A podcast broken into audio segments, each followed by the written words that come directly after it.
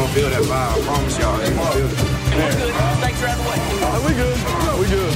Oh, he's thrown out of bounds over on the far side, and there's a couple of penalty flags. This is totally out of control.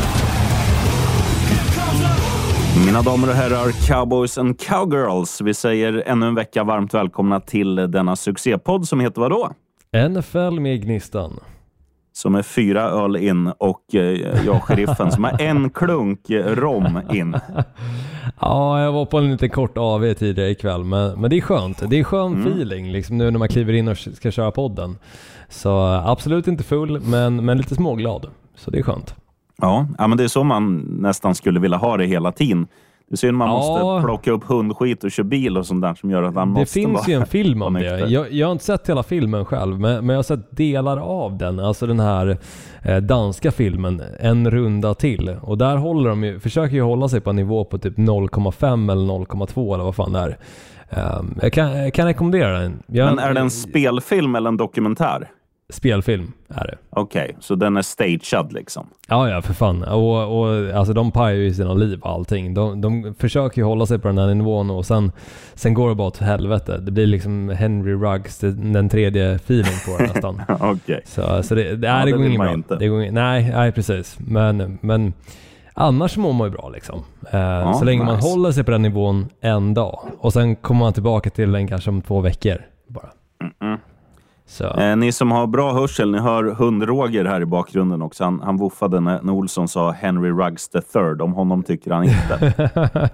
nej, det gör väl ingen hoppas jag.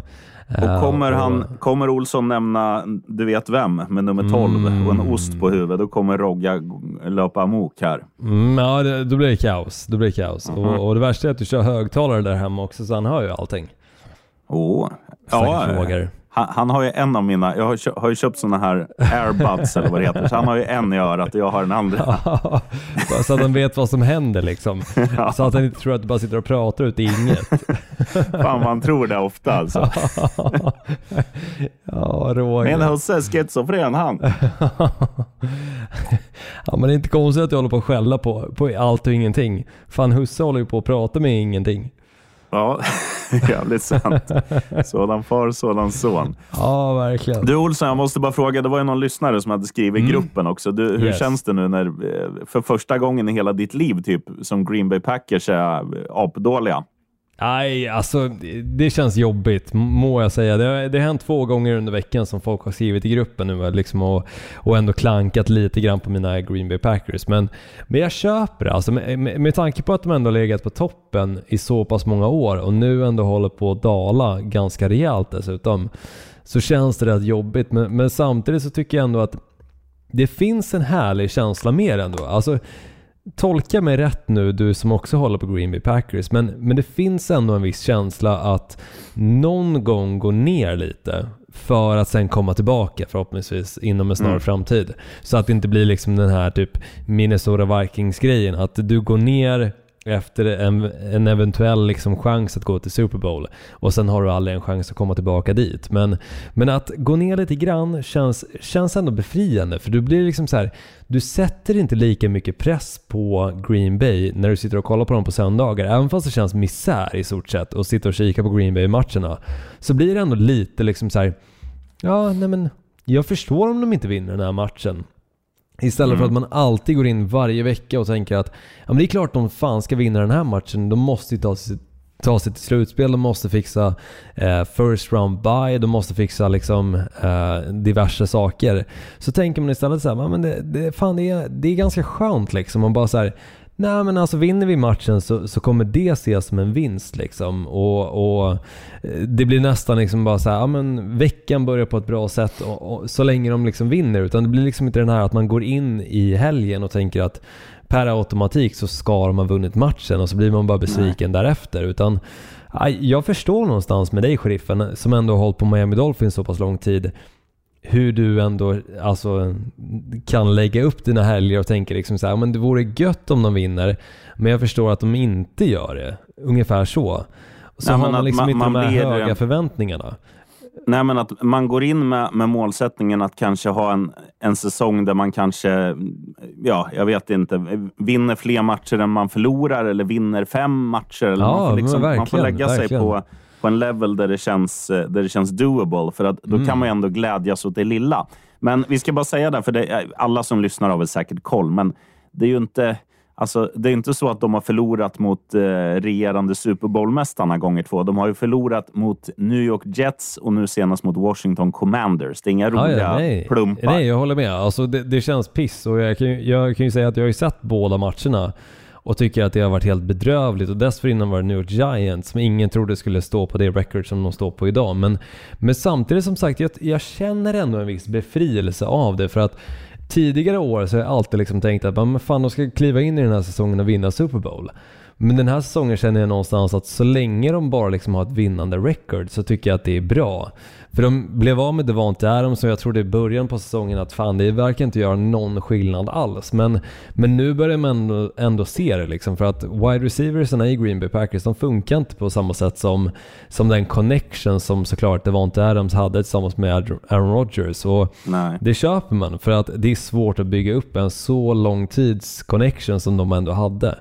Eh, Men, men samtidigt så är en, en, en ja, men jag, jag tycker det är ganska befriande just av den anledningen som sagt att jag kan sätta mig en söndagkväll, kolla på en Green Bay Packers match och tänka att jag blir riktigt jävla glad om de bara vinner.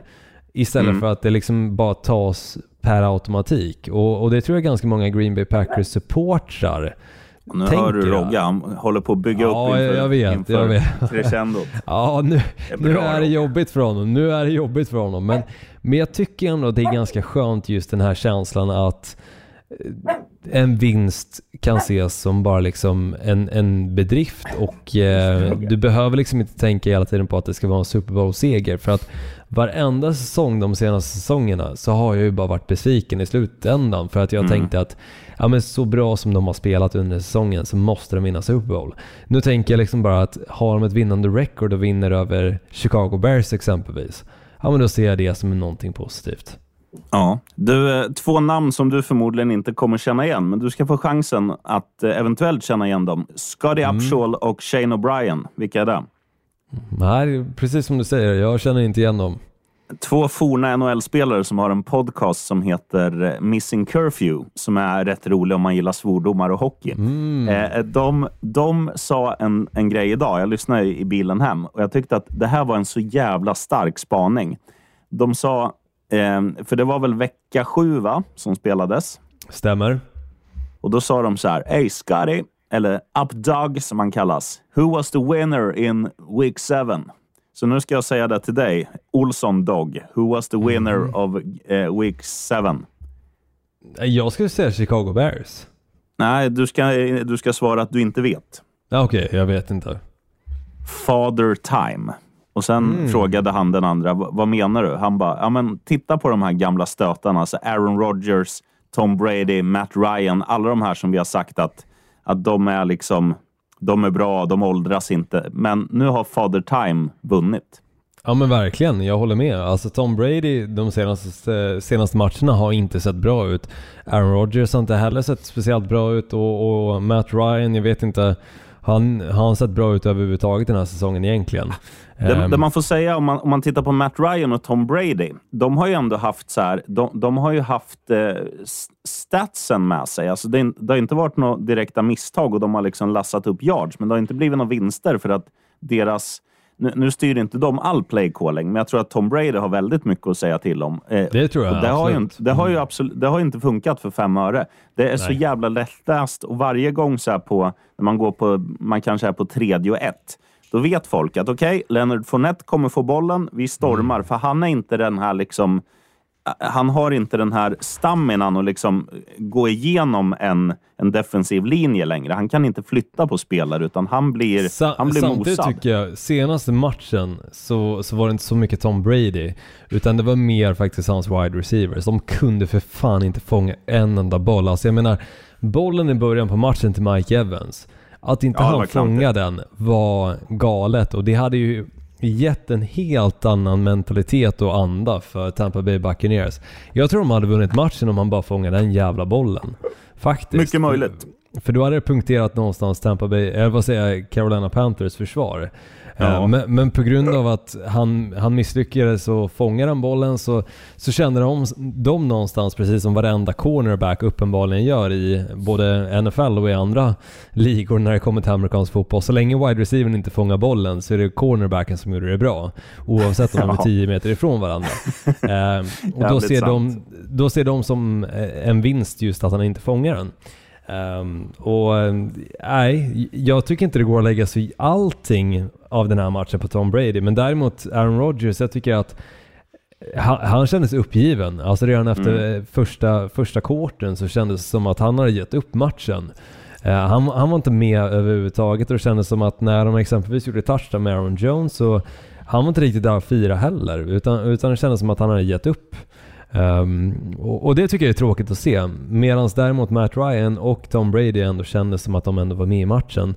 Ehm, så nej, jag, börjar, jag vet inte, jag, jag, jag tycker det ska bli skönt när åldermännen någonstans är, är över i NFL på, på sätt och vis. Även om jag älskar Aaron Rodgers, jag älskar Green Bay Packers, så tycker jag ändå att nytt blod gör oftast ett lag lite hungrigare.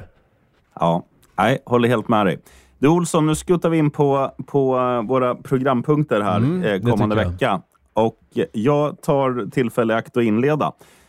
Eh, och jag säger så här, det ska bli jävligt kul att se två av de, de lagen som jag oftast blir besviken på. De möts nämligen. Det är Jacksonville Jaguars mot Denver Broncos. Och Det jag vill säga med det här, det är ju så här att ma- de gångerna man, man säger att ja, prinsen han är för jävla fin och nu är han igång, då, då gör ju han de sämsta matcherna.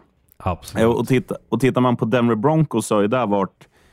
Alltså ha- hade de varit ett, ja, jag vet inte, ett tyngdtäcke, det skulle man ju liksom vilja hälla bensin på och tutta eld på. För att det är verkligen... Eh, ingenting funkar ju. Det är, det är ju så jävla dåligt. Men eh, är det någonting som har funkat i det där laget så är det ju ändå deras defensiv.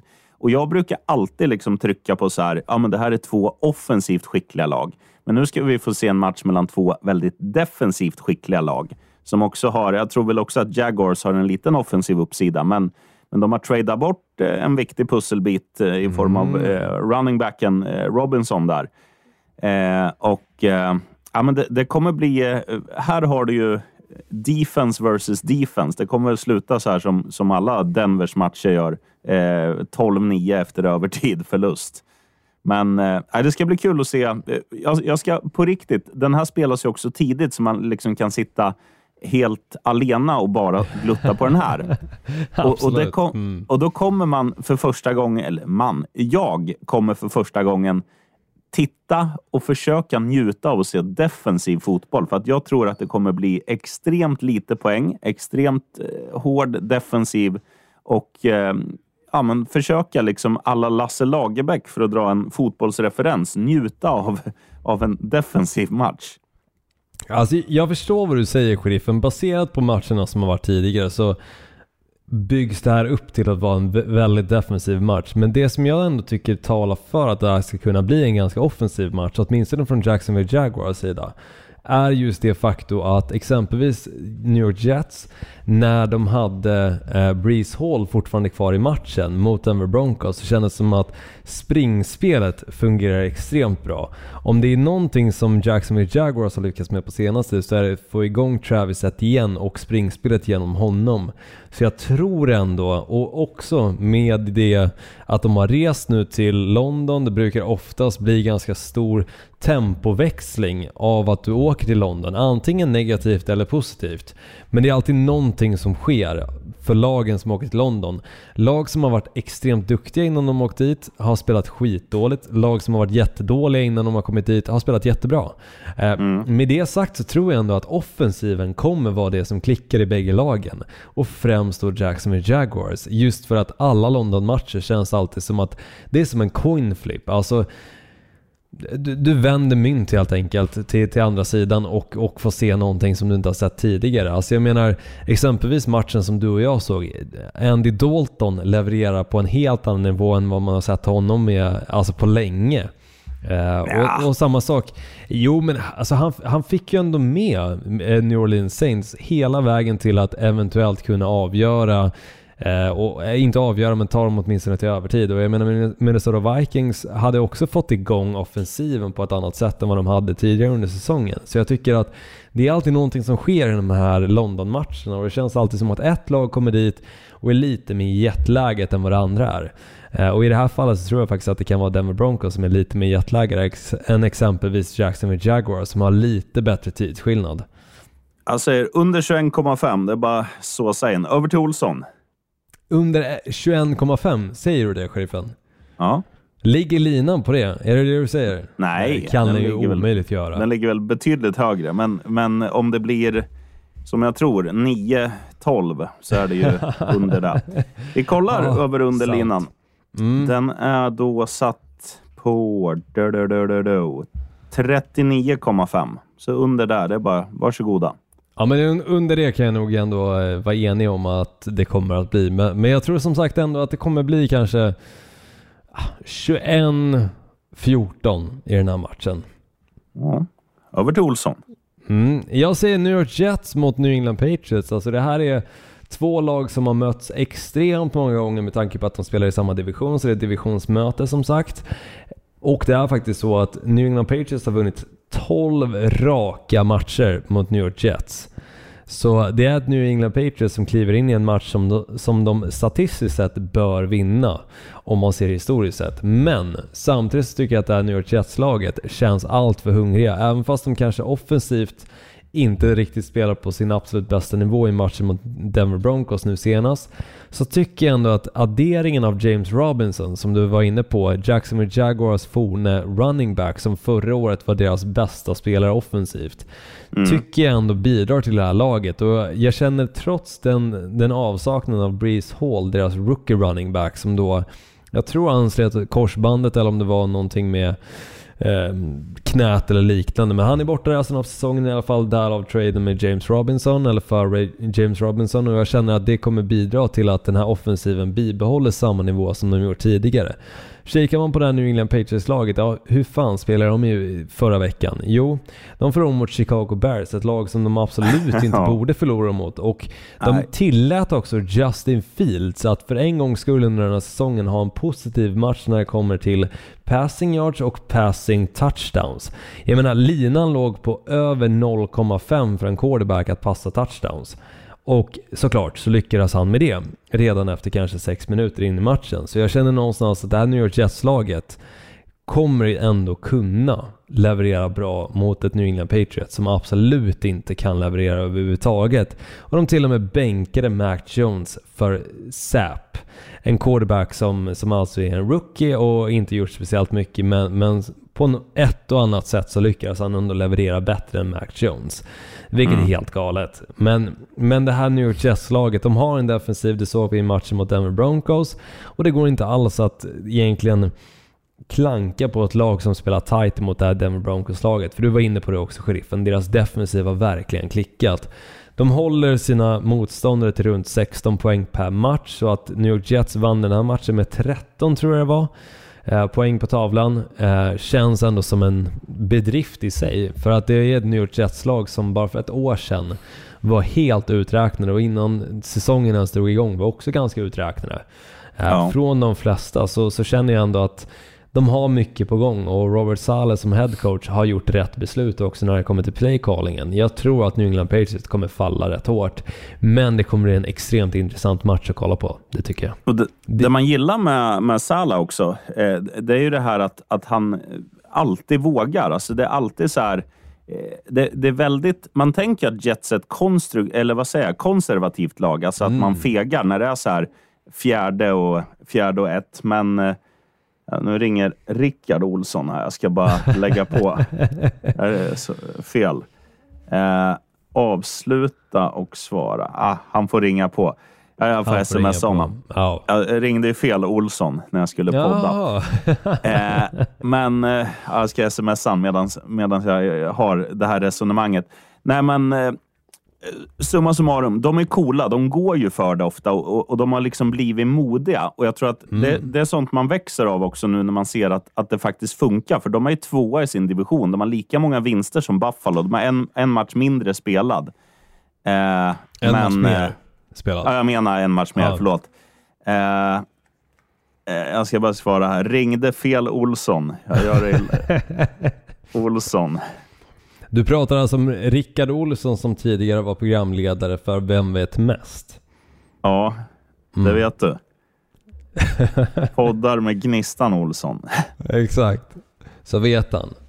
Fan. Så, han är ändå, han är ändå kylig. Ja, faktiskt som Olsson. ringer, upp så här vid halv nio på kvällen liksom. Han tror, han tror att jag är på fyllan och har något på, på mitt lilla hårdrockshjärta jag vill förtälla. Såklart, såklart. Ja men han är kall. Eh, ja, men det var väl det ungefär. Mm. Så att, eh, jag är helt med dig på den och eh, tycker det ska bli jävligt häftigt. För att här är ju något som står och faller på den här matchen. Det är Patriots säsong. För att de är ju, det är ju do or die. För, med tanke på hur bra Buffalo har gått, att Miami ligger före 4-3 och att Jets har den sagolika säsong de har.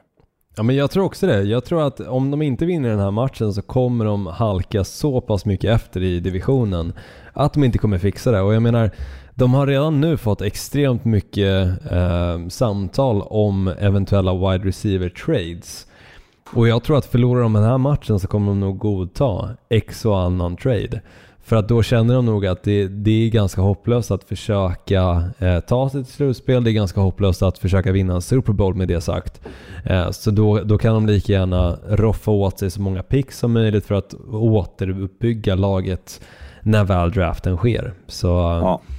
ja, ja, jag tror också att det, det är nu det måste ske. De måste vinna den här matchen för att hänga med helt enkelt. Vad säger du om skrällen då, sheriffen? Nej, men vi, vi skuttar väl in på det andra New York-laget lite kort bara, för att det är ju det är verkligen en, en saga.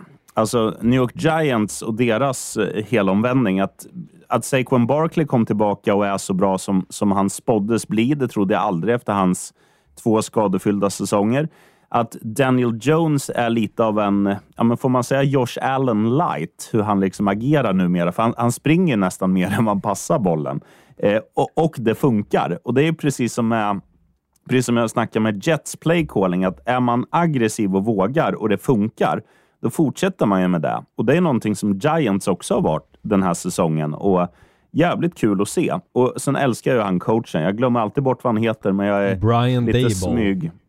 Där har du lite, lite smygkär, även om jag är straight i, i denna, i denna kar ifrån Äpplet. Men eh, nu ska de möta Seahawks. Eh, också ett, ett lag som är alltså en av de större positiva överraskningarna i år. Men jag, jag, det känns som att de har ett sånt jävla go i Giants, så att jag har svårt att se att Seahawks ska stoppa dem, trots tolfte spelaren och trots hemmaplan och trots eventuellt regn och rusk. Utan nej, jag gillar det här Giants-laget och eh, ska bli jävligt häftig. ma- eh, Det här ska bli en väldigt kul match att se i det sena fönstret. Det här är riktigt en riktig holmgång tror jag det kommer bli. Men jag tror att Giants kommer sluta som segrare efter då, eftersom att de, de har det i år. Det är någonting häftigt över Ja, Giants. jag, jag gillar resonemanget. Det, det enda som jag känner är liksom att de lyckades ändå nu i helgen vinna mot ett Los Angeles Chargers-lag som många har tippat till att kunna eventuellt vinna divisionen men också kanske till och med hela vägen till Super Bowl.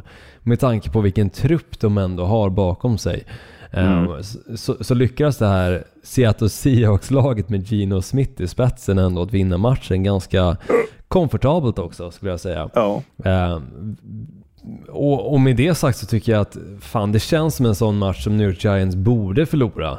Men samtidigt, de borde ha förlorat varenda match de har spelat den här säsongen baserat Ja. på hur de såg ut förra året. Så jag, jag är ändå enig. Alltså jag tror att lika gärna som att det här borde vara en sån match som sagt som de ska förlora, så tror jag att de kommer vinna.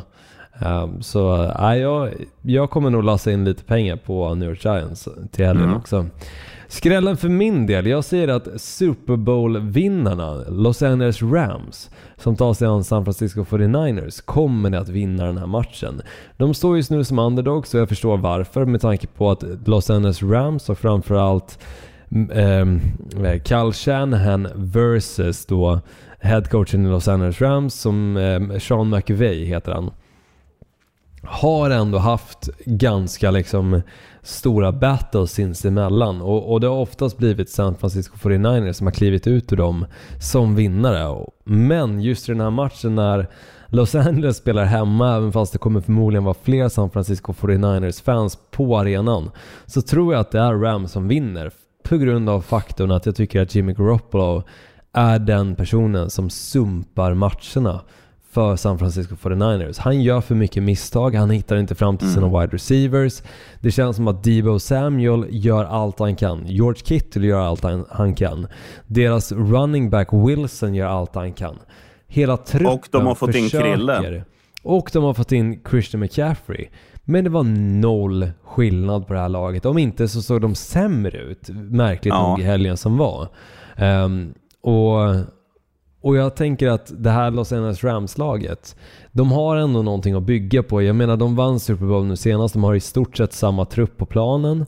Det är några mm. pusselbitar som har, har bytt position, eller bytt plats, eh, det vill säga bytt lag. Eh, men, men, trots det så är det fortfarande Cooper Cup. Det är fortfarande, och de har hittat dessutom en ny wide receiver som gör egentligen allting. Han blockar bra, han springer bra, han, han gör routsen bra och jag kommer inte ihåg hans namn men, men, men jag vill någonstans säga Saskatchewan eller något. Men, men du, du vet vem jag menar, sheriffen åtminstone. Han ja, gör för han, fan han allt ju, i det här laget. Eh, han heter ju typ, inte Chernik, men Skurnak eller något sånt här. Ja, något, något sånt. Jag, jag kommer inte exakt ihåg hans namn med tanke på att han dök upp för typ fyra veckor sedan som en riktig nobody-spelare och levererar hur bra som helst. Och sen dess har man verkligen försökt hålla ögonen på honom. Men det går knappt för att han gör allting. Det är ett springspel och du tror inte att han ska springa med bollen men helt plötsligt så kommer han där. Det är en passblockning som de lyfter upp i TVn och helt plötsligt så var det han mot en 300 kilos eh, defensiv linjeman liksom. Det, det är vansinnigt att se. Eh, men, men ack så roligt hur det här Los Angeles Rams-laget lyckas hitta egentligen nobody-spelare till Heter att bli så pass duktig. till och med? Skronek är det nog. Tack sheriffen. Ja, det är det nog fan. Bekant. Ja, det Nej, kan men, nog fasen vara. Jag ska flika in en, ett litet resonemang innan jag glömmer bort också. Eh, angående det här med att... Jag, jag tror du har helt rätt i att, i att Rams kommer stå som segrare här. Och, och det som är grejen är att är det någonting man triggas av som försvarsspelare så är det ju att möta en jävligt bra offensiv. Nu har inte eh, 49ers offensivt varit kanonbra, men tittar man på namnen, de du nämnde, och, och framförallt nu när de har fått in Krill McCaffrey också. Är det någonting som gör att Aaron, äh, Aaron Donald och de här liksom vill käka upp de där, det är ju när man får in en, en hypad spelare som, eh, som Run CMC. Det, det kommer smälla Eh, och jag tror ju att, att de kommer ha en, en riktig jävla ja, barbecue utan glöd, eller hur man ska säga. De, de, kommer, de kommer käka de där jävla 49ers-fjollorna, tror jag. Ja, men jag tror också det. Jag tror tyvärr att 49ers, alltså på grund av Jimmy Garoppolo, inte kommer gå speciellt långt i år. Och, och, alltså det märks hur mycket Kyle Shanahan som head coach försöker med playcallingen. Men det klickar inte. Alltså jag menar, George Kittle, visst han, han fick igång sitt spel äntligen i matchen som var nu senast. Men trots det så känns det här 49ers-laget som, som, som, ganska utdöende. Eh, och då har de duktiga spelare, men, men det är en pusselbit som saknas. Eh, mm. Medan Los Angeles Rams, de har bara inte lyckats få igång sitt spel än så länge under säsongen. Det känns som att de har hamnat i en Super Bowl-slump även fast de klev ur Super Bowl som vinnare. Um, och, och, det brukar inte ofta ske, men, men, men som sagt, för Los Angeles Rams sida så känns det som att det blev någonstans pyspunken när de ändå gick och lyckades vinna Super Bowl. Um, fastän förmodligen kanske inte ens trodde på det själva, verkar det som. Mm. Uh, men jag tror att i den här matchen så kommer de komma tillbaka och så kommer de ta några skalpar därefter. Mm. Lätta stålar av sheriffen. Nej, men nu är det, nu är det Pennsylvania Derby. Det är ett lag som är så jävla bra och så jävla komplett. Philadelphia Eagles mot ett lag som är allt annat än komplett. Pittsburgh Steelers. Eh, jag tyckte ju där när vi var i London, jag tror kanske att det berodde på vår berusningsgrad, att vi liksom tyckte att ah, fan, Kenny Pickett, nya frälsaren, har kommit in. Men han har ju varit... Han har ju inte varit någon direkt frälsare. Eh, och, och tittar man så här, vad, vad, finns i Pittsburgh? Ja, det finns fan ingenting. Det, jo, det finns ett försvar, men eh, lag som har bra försvar, de har ändå varit chanslösa mot Philadelphia Eagles. Och eh, Philadelphia kommer ju bara gasa här. De vill vara bäst eh, med marginal i, i sin delstat. Eh, de har fortfarande inte förlorat. Och jag, jag, kan ju inte se hur Pittsburgh ska vara det första laget som sätter en, en etta i deras förlustkolumn. Det är omöjligt, så att det här är så jävla klart. Alltså jag är enig med dig sheriffen, men samtidigt så har jag ett orosmoln över den här matchen och, och det orosmolnet bygger på att Philadelphia Eagles hade precis en bye week. Jag tror att hade Philadelphia Eagles fått välja själva hur den här säsongen nu börjar så hade de haft en bye week kanske vecka 12. För att de hade sån momentum när de klev in i sin bye week och det kändes som att de kunde ta sig an vem som helst och spö skiten ur dem. Men jag vet inte om det kommer vara samma känsla när de nu kommer tillbaka från sin bye week. Jag hoppas att det är det. Men man får också komma ihåg att Nick Sirianni är en relativt ny headcoach. Han började förra året. Jalen Hurts, relativt ung quarterback. Han eh, klev in i startingrollen förra året.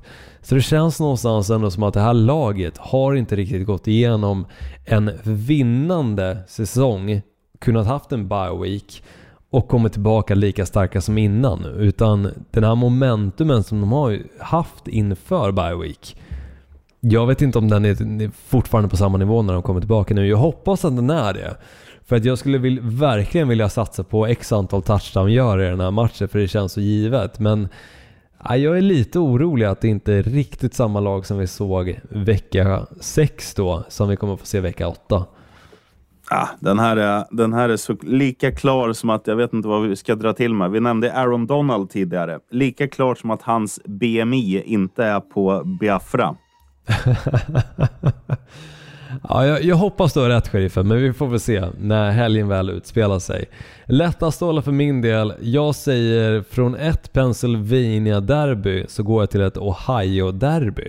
Nämligen Cincinnati Bengals som tar sig an Cleveland Browns på bortaplan. Detta Cleveland Browns, vi har varit inne på det förr, de har två stycken pusselbitar som funkar. Det är Nick Chubb och det är Kareem Hunt. Kareem Hunt ryktas just nu att eventuellt bli tradad innan trade deadline. Av den anledningen förmodligen att Cleveland Browns inte alls har den säsongen som de hade räknat med. De hade hoppats på att Deshaun Watson skulle kliva upp på, eh, som, som starting quarterback redan efter vecka 6. Vi står här nu i vecka 8, han är fortfarande inte starting quarterback, vi alla vet att det kommer ske vecka 12. Om nu inte fler anklagelser kommer fram och det kanske skjuts upp på. Ehm, men som sagt, det här Cleveland Browns-laget har inte lyckats offensivt. De saknar nu David Njoku i den här matchen, deras bästa tight end. Och utöver det, vad har de egentligen att bidra med? Medan det här Cincinnati Bengals-laget, de fullkomligt kom in i matchen mot Atlanta Falcons nu senast och körde över dem. Redan i första kvarten så stod det 21-3, tror jag att det var. Ja, det stämmer nog. Och då hade Jamar Chase redan gjort två stycken touchdowns. Jag menar, deras bästa spelare kunde skada sig eh, lite halvt i mitten av matchen, spela lite halvbra och fortfarande så var det en betryggande seger för det här Cincinnati Bengals-laget. Deras försvar känns äntligen som att det har kommit tillbaka lite och som sagt offensiva linjen skyddar också Joe Burrow tillräckligt bra för att faktiskt kunna hitta fram till sina wide receivers. Så jag känner att det här Cleveland Browns-försvaret även fast de är duktiga och har många bra namnkunniga spelare så, så känner jag att de kommer inte ha mycket att stå emot. Så uh, Cincinnati Bengals till en 50 gånger pengarna ungefär känns givet att lassa in på. Ja, nej, jag, kan bara skriva under. Det, det känns som att de, de, har helt olika formkurvor. Cincinnati Bengals har, har pikat uppåt senaste tiden. Eh, Browns eh, känns så jävla svaga i alla aspekter förutom deras run game. Och som du säger, en Juko utan honom som är egentligen det enda hotet när de väljer att passa bollen. Det är så här, ja vad fan ska de göra? Ja men verkligen och, och som sagt eh, med tanke på att Kareem Hunt eventuellt traderas bort också så tror jag att hans känsla för det här laget kommer inte vara på topp heller. Um, och, och man ja, men de spelar... Jo, jag vet. Man, de spelar för sina kontrakt in, och allting. Ja. Eh, jag vet det, men, men jag menar, man har inte fått se jättemycket av honom, så hans roll i det här laget har inte varit lika stor som det kanske var vecka två, vecka tre. Utan det känns som att den har dragits ner på avsevärt också.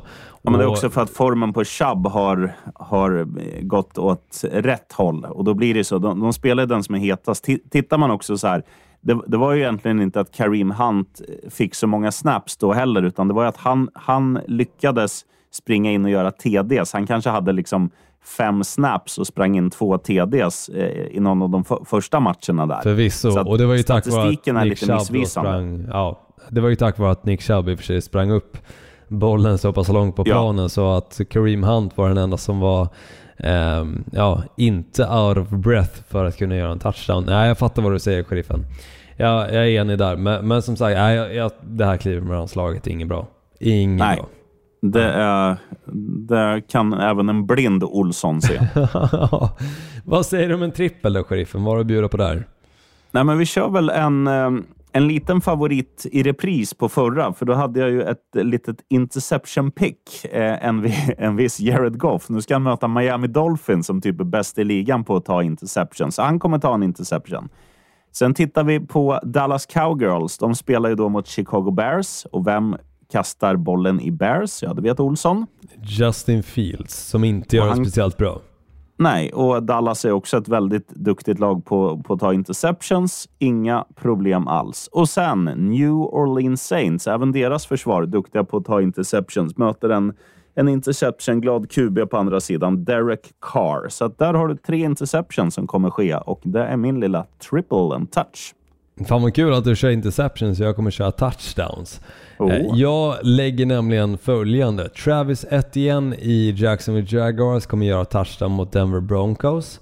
Jag var inne på Taget. det att Breeze Hall hade en touchdown nu senast mot Denver Broncos. Var den enda som gjorde en också för New York Jets sida. Och jag tror att Travis Etienne kommer vara, inte den enda, men åtminstone en av två eller tre stycken som gör det för Jacksonville Jaguars.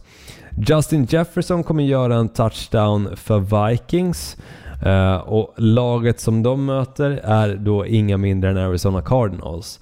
Eh, ett Arizona Cardinals som förvisso ändå steppat upp sitt spel någorlunda och lyckades vinna nu senast mot eh, New Orleans Saints även fast det berodde mycket på Andy Dalton som kastade två interceptions inom kanske en minuts speltid.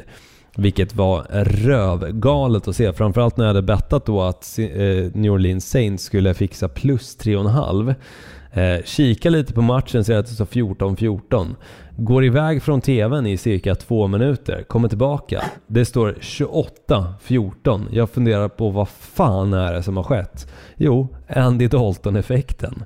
Eh, men som sagt, Justin Jefferson fixade mot eh, Arizona Cardinals och sen säger jag att Gabriel Davis gör en touchdown mot Green Bay Packers.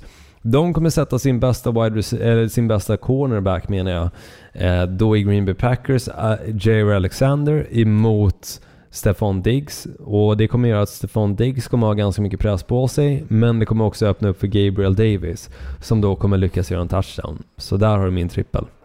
Och ehm, Gabe Davis har ju varit glödhet den här säsongen. Han har det. Han har gjort en touchdown i stort sett varannan match som har spelats. Så... Och några riktiga så dunderfångster som är liksom out of this world, more or less. Absolut, och han brukar ligga runt två gånger pengarna också på att göra en touchdown. Så jag menar, det är bra värde för pengarna för en spelare som ändå har gjort många touchdowns den här säsongen. Enig. Så, så där har du en fin trippel. Travis Etienne, Justin Jefferson och Gabriel Davis. Varsågod. Och ska du höra mina spolar du tillbaka en minut och 30 sekunder. Eh, Gnistan Olsson, en, si en sista pryl bara. Eh, för det här, det här avsnittet har jag valt att döpa då till Father Time. Eh, Mm. Efter att Scotty Upshaw och Shane O'Brien myntade det. Det Men, tycker jag eh, låter helt rätt. Är inte det här jävligt konstigt, på tal om Father Time, att i Sverige, då kallas hon Fröken Ur. Ja, det är lite När- märkligt faktiskt. När det kommer från fa Father Time liksom.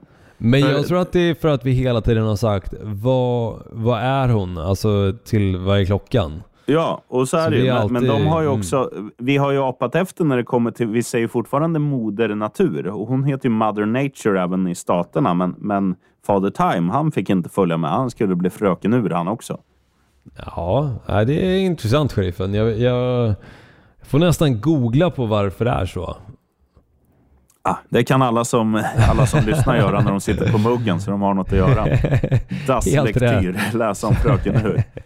Ja, Men du Olsson, jag skulle nog ska- hellre rekommendera att betta lite pengar på, på matcherna som är i helgen. Det finns några stycken som du ändå kan vinna lite flis på, så, så lägg dina pengar vist och rätt. Nu ska han som inte gillar Aaron Rodgers ut och klubba ur här vet du. Ja, du menar Rogga? Han borde Rogga. gilla Aaron Rodgers med tanke på att Rogga hade ju kunnat också kallas Aaron Rodgers. Ja, jävligt, jävligt sant. Man har inget D i sitt namn. Nej, det är i och för sig sant. Det är det, det är det som skiter sig. Det är därför han inte gillar det. Mm. Mm. Lycka till med klubbningen, sheriffen. Nej, jag ska inte klubba. Det är hunden. Men tack. Han säger tack. Och detsamma. Du är bra jobbat. Och du du, kanske som ska klubba lyssnar. sen. Eh, kanske klubba säl om inte annat. Eh, du som lyssnar, eh, tack för att du gör det och eh, tack för att du har skrivit i gruppen där du retade Olsson lite när, när Green Bay går Mm. kräftgång. Det gör du helt rätt i. Keep on coming och eh, ha en trevlig helg och lycka till med, med alla spel och eh, att alla, ja, alla lag kan inte vinna, men att Dolphins Nej, vinner kan vi nej. alltid hoppas. Ja, eller att Green Bay Packers gör typ årets största skräll och faktiskt lyckas vinna mot Buffalo Bills. Eh, jag tror dock inte att det kommer att ske, eh, om jag ska vara helt ärlig. Det tror Ä- ingen. ä- även där så, så överger hoppet mig. Eh, bra det. Du Olsson, eh, ride a big one och eh, hälsa everybody. Skål på dig, sheriffen. Peace.